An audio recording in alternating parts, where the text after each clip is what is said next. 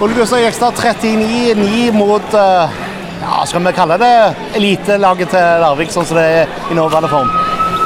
Ja, det var i hvert fall Larvik. Det er klart, eh, Med bare Jon Andenes og Guro Rønbråten og A-lagsspillerne, så blir det litt annerledes. Men eh, jeg vil egentlig gi ros til begge lag som gjennomfører Larvik prøver. Og jeg syns mine jenter er disiplinerte og, og vi, vi gjør det vi kan.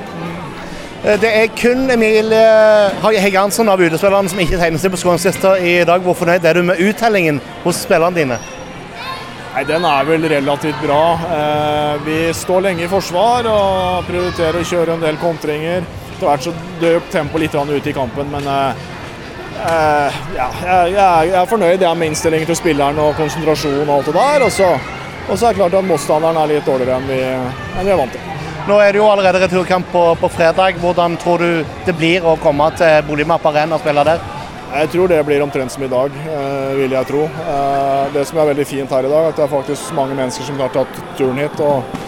selv om vi møter rekruttlaget til Larvik, så det, det skal vi være veldig takknemlige og glad for.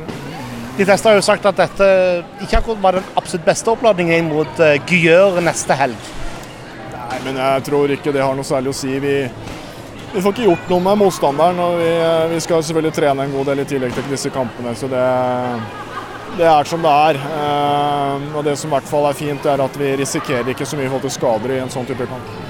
Kristine Thomassen eh, fra Randesund hadde sin eh, debut i dag. Hun kom jo inn og tok virkelig kampen med storm.